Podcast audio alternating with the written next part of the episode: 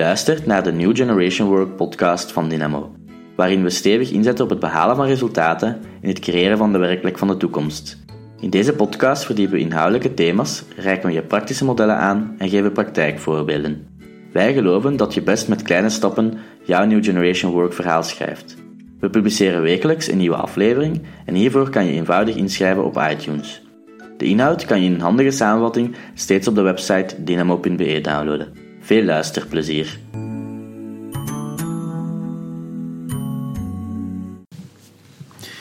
In de podcast New Generation Work kijken we vandaag naar hoe je meer energie haalt uit de job die je doet.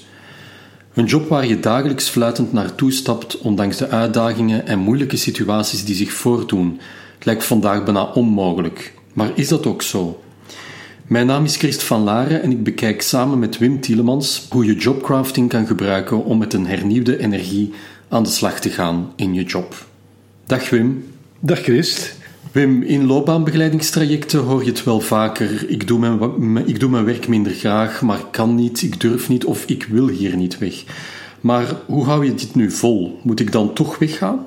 Het is een vraag die meer en meer mensen op de lippen ligt, maar waar ze zelf niet goed uit geraken. Klopt het wat ik zeg, Wim?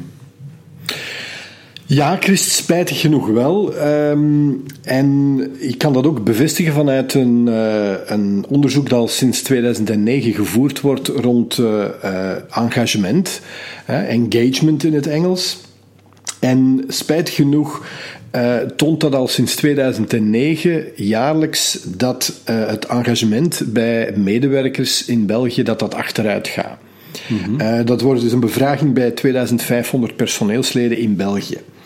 En dat bevestigt een beetje het cliché als het over engagement gaat, is uh, vroeger was het beter, dat bevestigt dat.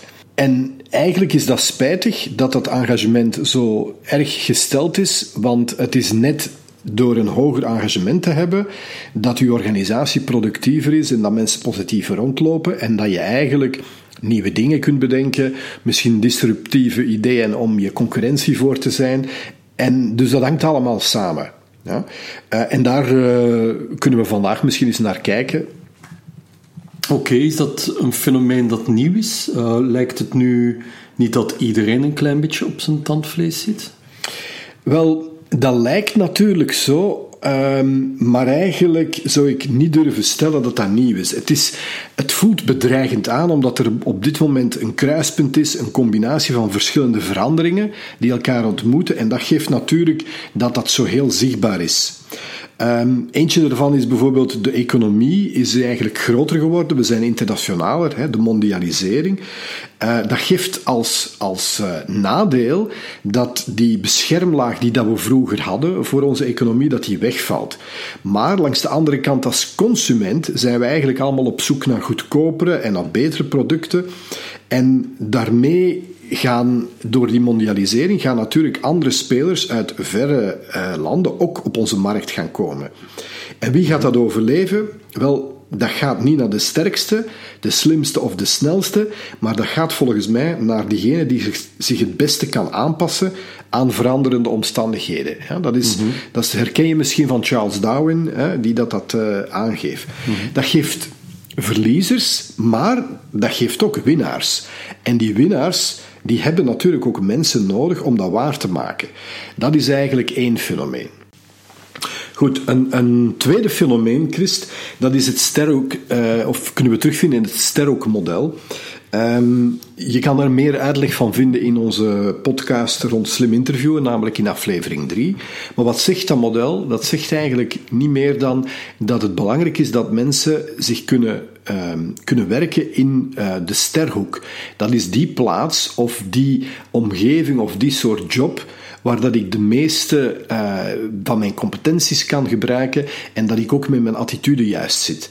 En als je in die sterhoek zit, dan, um, ja, dan, dan ga je natuurlijk jouw werk vlotter en, en plezieriger eigenlijk doen.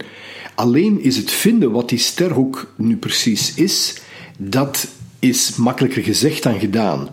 En daar moet je eigenlijk ook durven tijd in steken. En dat zijn we niet gewoon van te doen. We zijn gewoon dat iemand anders in onze organisatie zegt op welke werkplek dat ik moet zitten. Wel, dit laten we een stukje los. En kunnen mensen voor uh, taken eigenlijk gaan zoeken um, om die werkplek, die sterhoek uh, werkplek eigenlijk te gaan vinden. Mm -hmm. Dus dat is een, uh, een, tweede fenomeen. Een derde fenomeen is dat eens je daar op die werkplek zit, dan ben je niet zeker dat die werkplek gaat blijven. We, we zitten in die, in die uh, digitalisering en dat geeft sowieso dat er bepaalde jobs dat die gewoon niet meer gaan bestaan. Um, maar zelfs als je in een, in een, het geluk hebt dat je in een, in een type van job zit waar dat die verandering nog niet zo uh, snel is, dan is er nog een ander fenomeen die namelijk eigenlijk gewoon automatisch optreedt. Dat is een goestingverandering. Een goestingverandering betekent gewoon dat iets wat je vijf jaar geleden nog heel fijn vond om te doen, dat je daar nu een beetje op uitgekeken heeft. Zonder dat je daarom uh, minder competent daarin bent. Dus, dus dat, uh, dat moeten we ook, um, ook meenemen. Langs de andere kant is dat wel goed nieuws. Want eens dat ik die, die sterrenhoek gevonden heb, eens dat ik die werkplek, eens dat ik weet wat dat eigenlijk is, en ik ga naar mijn energieniveau kijken, dan kan ik um, sowieso, als ik daar zit, heb ik meer energie vrij om mijn gedachten te zetten op competenter te worden in die job. Dan kan ik ook een betere tegenslag aan. Uh, er zullen altijd tegenslagen zijn op het werk. Dan heb ik ook minder angst voor de toekomst en voor de dingen die op me afkomen. Dus ik, ik heb het gevoel dat ik eigenlijk wel in, in een juiste stroom zit. Ik, ik verwijs hierbij um, uh, naar wat ik genoemd heb het ABC, ABC van het geluk op het werk. Ik noem de ABC omdat het makkelijk te onthouden is. En de A die staat voor autonomie, de B die staat voor betrokkenheid en de C die staat voor competentie. Ja? Um, die, dat ABC-model is eigenlijk het werk van Daisy en Ryan over hun zelfdeterminatietheorie. En je kan die eigenlijk terugvinden in onze uh, zelfsturende organisatie, uh, de podcast die we daar ook rond gedaan mm -hmm. hebben. Ook in de teamcrafting die we gedaan hebben. En vandaag gaan we dat eigenlijk proberen terug te steken of te vinden in de podcast over jobcrafting. En dat is vanuit het individu. Want wat kun je nu doen als je organisatie niet verandert of niet in staat is om te veranderen, of je team daar gebeurt ook al uh, weinig, dan heb je toch de mogelijkheid om zelf de handen uit de mouwen te steken. Ja? Oké. Nu, vaak zitten mensen in een job en willen ze niet veranderen, want hun leven zit vol met, met allerhande verplichtingen. Een huis, een wagen afbetalen, kinderen opvoeden. De vraag is dan um, of je moet weggaan om die ideale job te vinden. Wel, dat is een heel goede vraag en uh, dat lijkt op het eerste zicht lijkt dat zo. Hè? Um, ik ga eventjes het, het Karasek-model daarvoor nemen. Stel dat je in een, uh, in een organisatie zit en je voelt uh, dat je um, een heel hoge stresserende job hebt. Dat is gekomen doordat de taakeisen maar altijd elk jaar toegenomen zijn en toegenomen zijn. Als je dan weinig regelmogelijkheden gekregen hebt, dan voelt dat eigenlijk zodanig beklemmend aan dat je gewoon uh, in een burn-out kunt gaan of gewoon eigenlijk voelt van ik moet hier weggaan. Dus een van de dingen die Karesek's model dan geeft is als je in die situatie zit, is geef meer regelmogelijkheden aan mensen en dan kunnen mensen terug van die uh, stresserende job eigenlijk een actieve job gaan gaan en verhoogt die motivatie kan ook zijn dat iemand in een job zit die een bore-out is. Ik weet, ik weet niet, weet je wat een bore-out is, Chris? Nee, nee, vertel het eens. Wel, bore-out is, als je burn-out is opgebrand te veel, bore-out is te weinig eigenlijk, te weinig uitdagende jobs, te weinig uitdagende taken, geeft eigenlijk dat je hè, dat je eigenlijk helemaal, uh, ja, krambiori vindt omdat je niks te doen hebt. Dat is dat je te weinig taakeisen eigenlijk hebt en te veel regelmogelijkheden hebt, maar eigenlijk ben je niet, uh, word je niet uitgedaagd. Dat kan ook een reden zijn waarom dat mensen uh, gaan, gaan weggaan.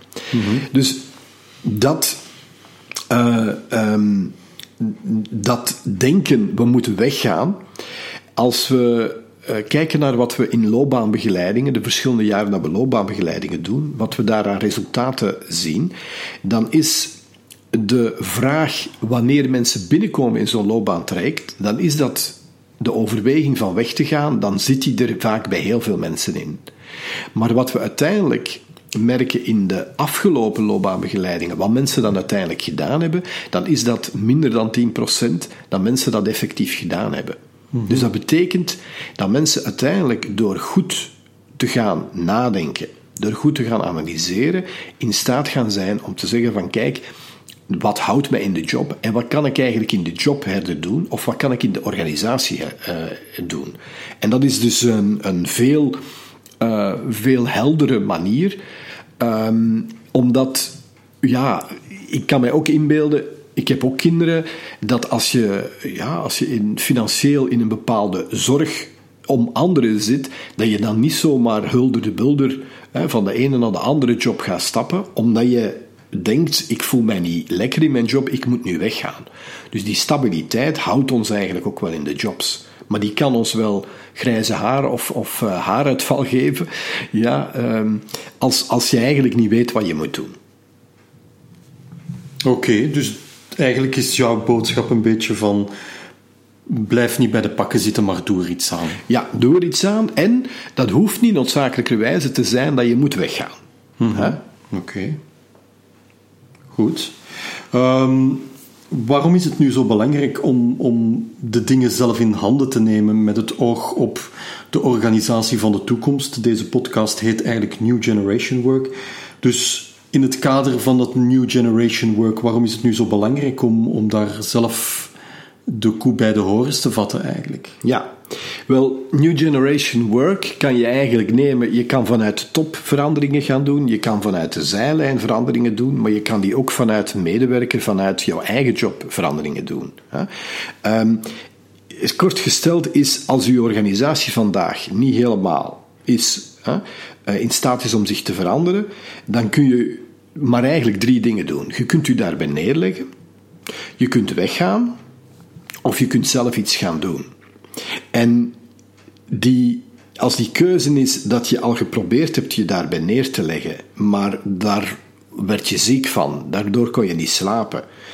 En jij hebt eigenlijk in overweging genomen om weg te gaan, maar je zit met bepaalde verplichtingen waardoor je eigenlijk niet meteen weg kan gaan, ja, dan schiet er maar één over en die is eigenlijk zelf iets te gaan doen. En hier zitten mensen ook heel dikwijls vast in een bepaald denkstijl die zegt van ja, maar ik heb daar andere mensen hun toestemming voor nodig.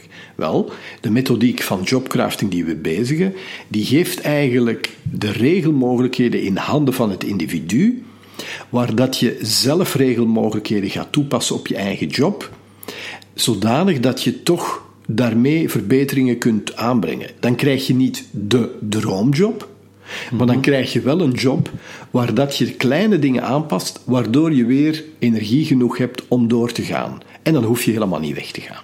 Oké. Okay.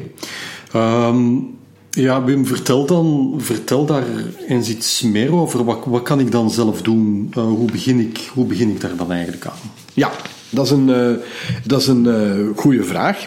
Um, de, de manier waarop je eraan begint, uh, je kunt het helemaal zelf doen, maar ik moet eerlijk toegeven, dat is ook een lastige. Um, uh, maar een, een, eerste stap die wij eigenlijk um, aanraden en wat wij toepassen, is een visuele taakanalyse. Wat is dat precies? Dat is een, een analyse van je taken die je visueel maakt en waarmee je gaat op zoek gaan naar wat zijn de dingen die je in je job energie geven en wat zijn de dingen die je energie ontnemen en vreten? Want het ideale is dat als je aan het werk bent, maar wat je consumeert aan energie omdat je aan het werken bent, wordt ook gevuld omdat je leuke dingen doet, omdat je zinvol bezig bent, omdat je feedback krijgt van anderen dat je goed bezig bent, dan vult dat ook jouw energievat. Dus mm dat geeft, je geeft iets, maar je krijgt er iets voor terug. Wat energie alleen ontneemt, hebben we ook allemaal. En die zoekt toch naar wat, want voor elke mens, dat is het leuke eraan, voor elke mens is dat anders. En dat maakt dat er eigenlijk in een groep van mensen, als die divers zijn, dat wat voor de ene energie ontneemt, is voor de andere, ander energiegevend. En dat geeft eigenlijk de, de mogelijkheid om dingen te gaan ruilen. Oké. Dus een taaktypering komt uit zo'n visuele taakanalyse. En we noemen dat de 5L-taken. En ehm, daar gaan we mee verder. Maar wat, wat, bedoel je met 5L-taken? Ja, dat is uh, gemakkelijk om te onthouden. Hè. De eerste L die staat voor uh, wat is leuk, wat doe ik graag. De tweede L die staat voor wat is lastig, wat is een taak die ik absoluut niet graag doe. De derde L, dat is de L van tweeledig. We hebben ook wel taken waar dat we een element hebben dat we graag doen en een stuk onderdeel van dat we niet graag doen. Daarom is het tweeledig. Dan hebben we nog de lege taak. Leeg is niet slecht. Hoe moet ik het vaak uitleggen? Leeg is wanneer je je hoofd wil leegmaken omdat je een inspannende taak gedaan hebt, dan kun je een lege taak doen. Of wanneer je een moeilijke gesprek gehad hebt met een klant misschien, dan kan je die taak ja, emotioneel uh, die raakt jou niet emotioneel en daardoor kan je je emotie uh, terug weer op peil krijgen. Dus daarom is... Dus een, een taak eigenlijk waar je je verstand uh, voor op nul zet. Ja, verstand op nul of emotie op nul, hè, zou je mm -hmm. kunnen zeggen. Uh, en dan hebben we nog de laatste. dat noemen we de latente taak. Um, latente taak is eigenlijk een beetje raar. Dat is... We hebben nog een Daarom is het latent. We hebben daar nog geen taak voor, maar het vertrekt vanuit een bepaalde interessegebied of een, of een competentie die je misschien buiten het werk geleerd hebt of die je bezit van vroeger, maar je hebt er nog geen taak. En je zou het fijn vinden van dat talent hè, bijvoorbeeld in te zetten. En daarom is het een latente taak. Oké, okay, goed. Welke inzichten haal ik nog uit zo'n visuele taakanalyseoefening? Ja, wel, um, in, dat is heel moeilijk in een podcast om dat uit te leggen.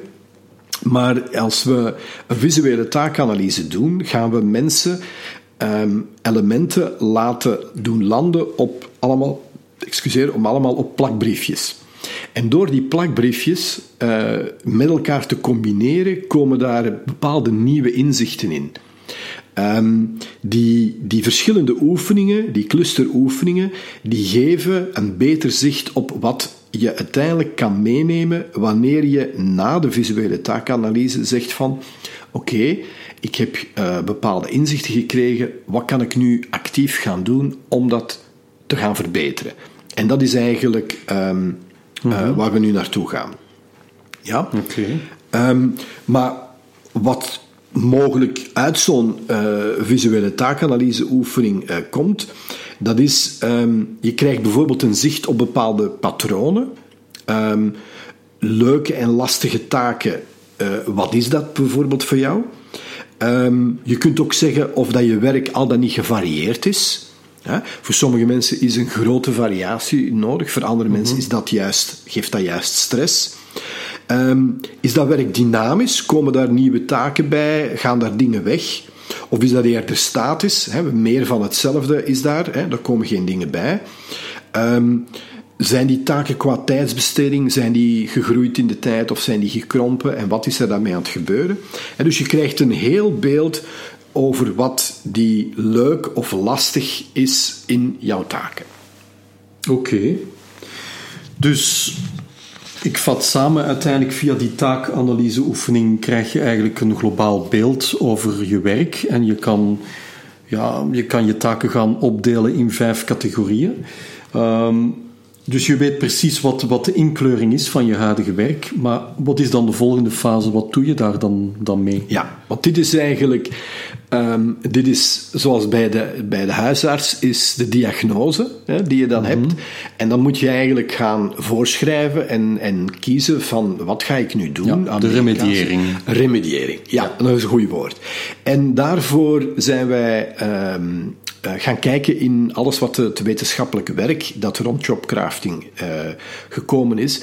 En daar is um, uh, heel wat rond gebeurd. Um, maar dat is eigenlijk niet handig door wetenschappers aangereikt.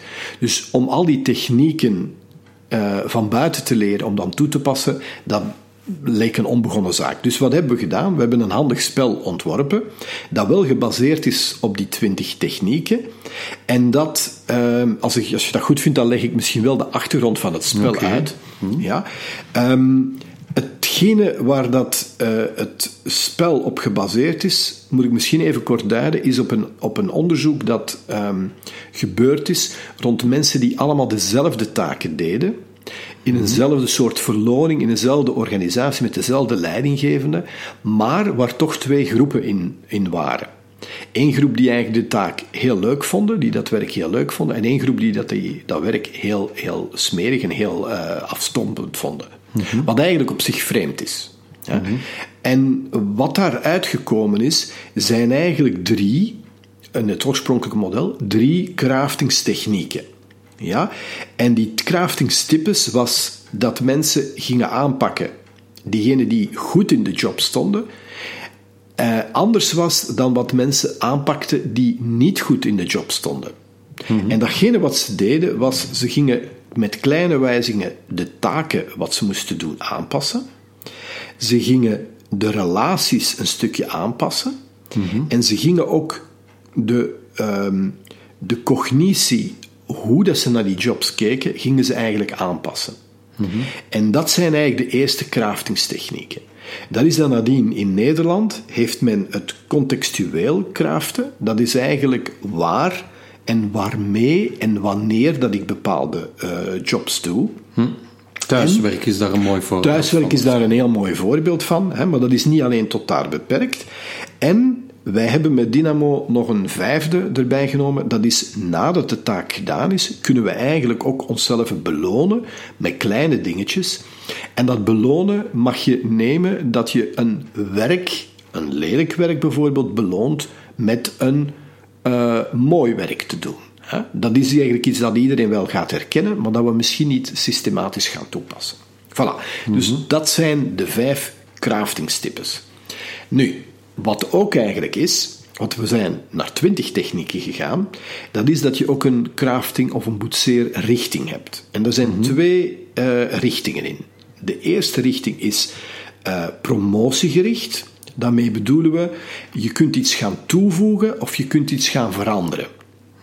De tweede richting, dat zijn de richtingen die ik preventief noem. Dat is iets weglaten of iets verbeteren. Ja? En daarmee hebben we dus twintig verschillende technieken. Nu, in het spel is eigenlijk zo dat die technieken, als we die theoretisch uitleggen zoals nu, dat vaak mensen dat moeilijk kunnen, zich kunnen iets van voorstellen. Dus we hebben van elke techniek hebben we gewoon een voorbeeld die, op dat, eh, die, die meegegeven wordt en die eigenlijk inspiratie kan geven van waar eh, eh, je moet zoeken. Oké. Ja. Ja, Christ, misschien willen we daar een voorbeeld nemen. Ja, je neemt een, eh, een taak die, die, die je lastig vindt in, in je huidige of in je vroegere werk. En, ehm, en dan kunnen we het daar misschien eens eventjes op toepassen. Ja, is dat een goed idee? Oké. Ja, waar denk, je, waar denk je nu aan, aan een lastige taak van... eh, ehm, Ja. Ehm, ik ga toch eventjes naar mijn vorig werk gaan. En ik had het daar wat moeilijk met, eh, ja, met de vergadercultuur. En ehm, achter elke vergadering werd, werd, van, werd verwacht dat je een verslag eh, schreef. Ehm, ja, eigenlijk wil iedereen zijn zegje kunnen doen tijdens zo'n vergadering. En in dat verslag, denk ik dan, moet dat een stuk weerspiegeld worden. Maar achteraf merk je dan dat eh, niemand dat eigenlijk leest, en, eh, of toch weinig mensen het lezen. Ehm, als je de volgende vergadering vraagt of er nog opmerkingen zijn, komt er dan nauwelijks iets van opmerkingen. Dus. ehm, Ehm, aangezien ik zeer resultaatsgericht ben, ehm, ja, was dat duidelijk een lastige taak voor mij. En eh, de vraag is natuurlijk van, ja, na de uitleg te horen van het craften, hoe, hoe kan ik hier nu iets aan doen? Wat, wat, wat zijn de mogelijkheden? Ja, wel, misschien is het eerste wat ik eigenlijk al aan vragen aan jou, is nu ik die technieken uitgelegd heb, is er dan gewoon iets spontaan wat je aan denkt? Wat je zelf zegt van, hmm, dat helpt mij eigenlijk al. Ehm, Oké, ik, kan, ik kan eraan denken om, ehm, om ja, die taak gewoon weg te laten. Ja, Ja, dat is het eerste. dat is eigenlijk grappig. Dat is de, de, de craftingstechniek waar men eigenlijk altijd spontaan aan denkt en waar dat leidinggevenden ook dan heel erg uh, bezorgd over gaan zijn. Heel dat erg in het verzet gaan waarschijnlijk. Ja, en dat mensen denken van, oké, als iedereen uh, zijn taken gaat weglaten, dan komen we natuurlijk niet verder. Nee. daarvoor is de podcast van Teamcrafting natuurlijk heel goed voor om afspraken te maken dat als iemand iets weg wil, dat dat niet zomaar weg wil, hè, dat we daar afspraken moeten rondmaken. Maar goed, dat is eigenlijk een, een eerste idee. Maar ik ga misschien zelf iets aangeven, is het feit dat je zegt, niet iedereen leest dat, maar het feit dat het af en toe gebruikt wordt, wat doet dat voor jou? Um, als, er, ja, als het gebruikt wordt, dan, dan, ja, dan geeft het aan dat, dat het uh, nuttig is geweest dat ik, dat ik het verslag gemaakt heb. Ja, dus hier zou je kunnen voor jezelf eigenlijk de stap zetten om naar mensen toe te stappen en eigenlijk te vragen van kijk, ik, ik twijfel een beetje over de nuttigheid. Ja, en misschien denk ik eraan dat het beter is van dat we dat laten vallen. Ja. Mm -hmm.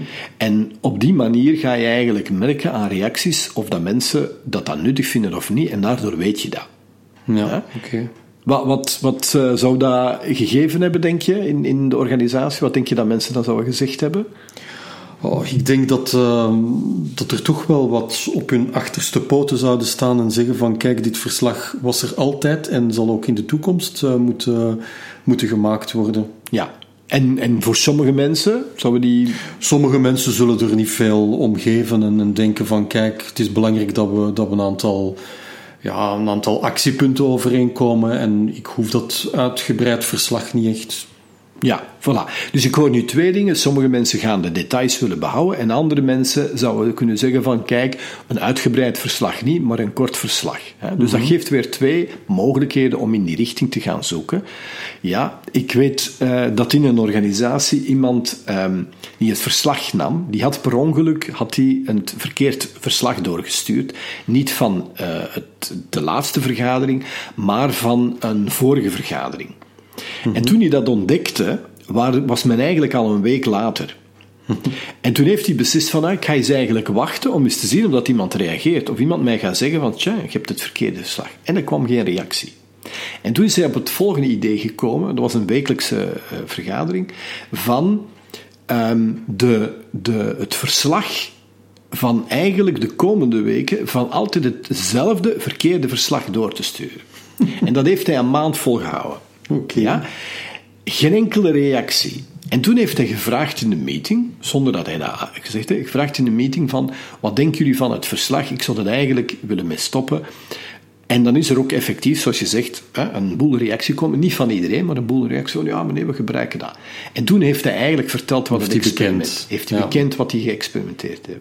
Hm. Wat is daaruit gekomen? Er is uitgekomen dat, datgene wat jij zelf ook aangeeft, van het verslag er moest nog altijd wel ergens iets genoteerd worden, was me eens, maar dat de hoeveelheid informatie, als, aangezien dat mensen het niet lezen op dat moment, ja, maar wel willen terug ooit nagrijpen op belangrijke beslissingen die genomen hebben, dat dat eigenlijk in het verslag komt. En alles wat op dat moment wel belangrijk lijkt, maar wie heeft wat gezegd en waar was die dan eventjes lastig, dat is er eigenlijk allemaal uitgehaald. Oké, okay. ja? dus ik craft mijn taak naar een, uh, een verslag met uh, de bullets en een aantal, de bullets ja. van een aantal dus actiepunten die, die uit de vergadering komen. Ja, dus dat gaat eigenlijk over. Ja, dus dat gaat over. Dit hebben we nu is, is een taakkrafting. Wat doe je? Mm. Hè? Wat we ook kunnen naar kijken is um, wat ik noem relatiekraften. Hè? Uh, aan wie denk je dan? Als je aan relatie denkt, aan wie denk je dan? Of, of wat, wat zou dan een oplossing kunnen betekenen? Uh, dat, dat, dat ik niet alleen verantwoordelijk ben voor uh, deze taak. Ja. Dat ja, andere collega's even goed dat verslag kunnen ja, maken. En wat zou je dan een voorstel zijn? Ja, dat we die taak kunnen delen bijvoorbeeld. Ja. Ja, dus dat is eigenlijk ook een voorstel dat je kunt doen van, oké, okay, wie gaat dat dan doen en hoe gaan we dat dan eigenlijk met elkaar afspreken? Ja? Dus dat is relatiekrachten. Um, door wie, met wie en voor wie. Ja? Um, dan gaan we misschien naar een ander, dat is um, um, contextueel. Ja, contextueel is waar, waarmee en wanneer. Heb je daar. Geeft okay, als, ik, als ik bijvoorbeeld. Uh, Als ik bijvoorbeeld denk dat, die, dat, dat me dat veel concentratiewerk vraagt, zo'n verslag maken, kan ik, uh, um, kan ik eventueel ook zeggen van ik ga het gewoon thuis doen. Um, het zal veel efficiënter gebeuren. Ja, dat is een eerste oplossing. Maar ik denk ook aan iets anders. Dat is uh, waar, zou ik zeggen, van waarom niet tijdens de vergadering zelf? Ja, inderdaad. Ja?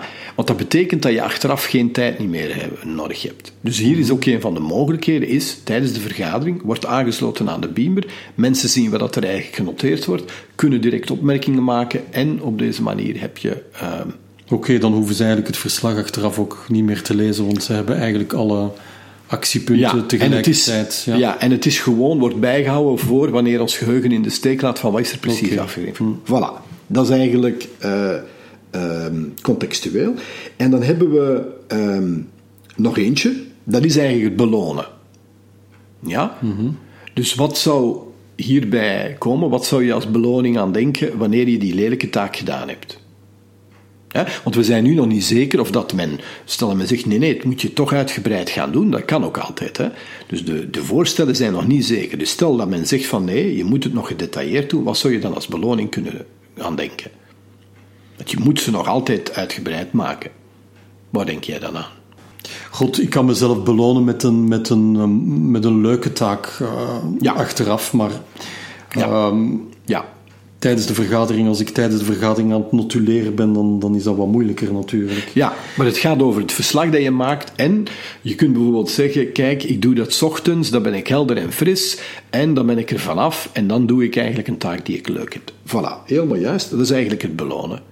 Je kan het ook doen met een kopje koffie te, te, te drinken. Eh, dat is een techniek die ik vroeger, vroeger tijdens het studeren heel vaak toepaste. Dat is, ik moet zoveel pagina's uh, ingestudeerd hebben en dan pas uh, mag ik een kop koffie gaan halen. Oké. Okay. Voilà.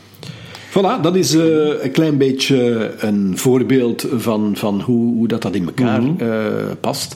Um, hoe gebeurt zoiets eigenlijk binnen een organisatie?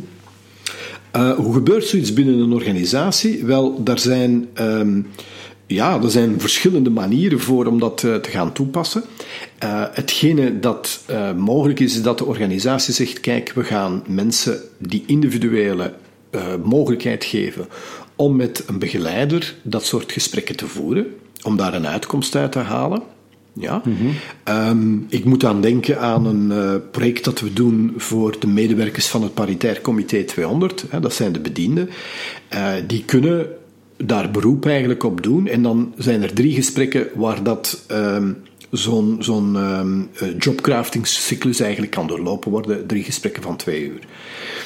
Een andere mogelijkheid dat is uh, dat je een groepsessie doet. Dus uh, je hebt mensen die um, eh, zoals een training, maar eigenlijk in de plaats van een training komen mensen tezamen om eigenlijk elkaar te helpen om uh, oplossingen te zoeken voor een job. Dus de ene collega helpt de andere mm-hmm. en wij zorgen voor een begeleiding zodanig dat uh, dat via een structuur loopt en dat mensen eigenlijk geholpen zijn. Ja. Um, het kan ook als een, als een afsluiter zijn van een teamcraftingcyclus. Dus als je de vorige podcast nog even neemt.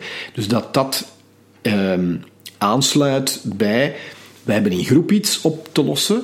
En er blijven nog bepaalde dingen die ik individueel moet aanpassen. Wel, dan kan je eigenlijk op deze manier uh, de teamcrafting sessie doen. Mm-hmm. Lijkt me ook wel interessant, uh, zo'n teamcrafting, omdat. Uh um, collega's elkaar ook een stukje kunnen inspireren rond, uh, rond bepaalde taken. Um, ja. Uh, soms kan een collega een veel beter, veel betere ideeën hebben, omdat je zelf te hard vastzit in je takenpakket, in je functie. Ja. En iemand die er los van staat, kan ja. soms betere ideeën formuleren. Ja, dat is helemaal waar. En wat je nu zegt, de groepsessie is soms voor mensen die meer uitvoerende jobs doen of in arbeiderssituaties zitten, dat zij um, doordat een collega een bepaald idee heeft hoe dat hij dat aanpakt, dat die elkaar inspireren. Daardoor kunnen groepsessies, kleine groepsessies, hè, kunnen daardoor wat meer de mensen op hun gemak zetten. Okay. Ik denk dan niet aan, aan te grote groepen weer niet, want er zijn een paar mensen die wat vervelend vinden om, om, om over dingen te praten. Dus groepsessies waar een, een viertal mensen eigenlijk elkaar gaan helpen, is dan een perfecte situatie. Okay. Dat ontneemt ook de mythe die eigenlijk heerst. Er zijn sommigen die denken dat dit, deze technieken eigenlijk alleen maar kan gebruikt worden voor hooggescholen. Of, of uh, uh, anderen denken juist dat het alleen maar voor uitvoerende jobs is. Nee, niks is waar. Eigenlijk die technieken zijn universeel menselijk toepasbaar. Oké. Oké. Goed. Um, Wim, ik wil je bedanken voor, voor um, toch wel een vrij uitgebreide toelichting rond het jobcraften. Um, je had het ook over een uh, spel dat uh, kon ingezet worden. Um, dat spel dat, uh, dat kan je eigenlijk bestellen via jobcrafting.info. Ja. Um, en het is zo dat je een download of een van de samenvatting eigenlijk van deze podcast kan je ook, uh, daarvoor kan je terecht op de website van www.dynamo.be. Oké, ja, dat klopt. Oké. Okay. Ik denk dat de volgende podcast um, gaat over um, niet-hierarchisch uh, leiding geven. Lijkt me ook een belangrijk en boeiend thema voor um, binnen, binnen het kader van New Generation Work. Ja, en we gaan daar ja.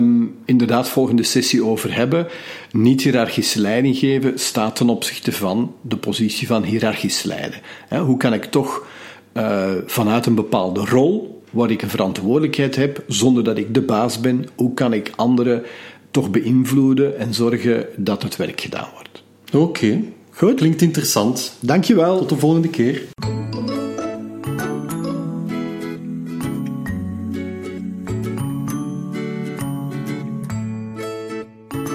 Deze podcast wordt mogelijk gemaakt door Dynamo.be, partner voor training, coaching en organisatieontwikkeling. Dynamo helpt organisaties, teams en individuen om de betere werkplek van de toekomst te creëren. Voor meer opties kijk op jobcrafting.info, schoolforrecruitment.be of sliminterviewen.be.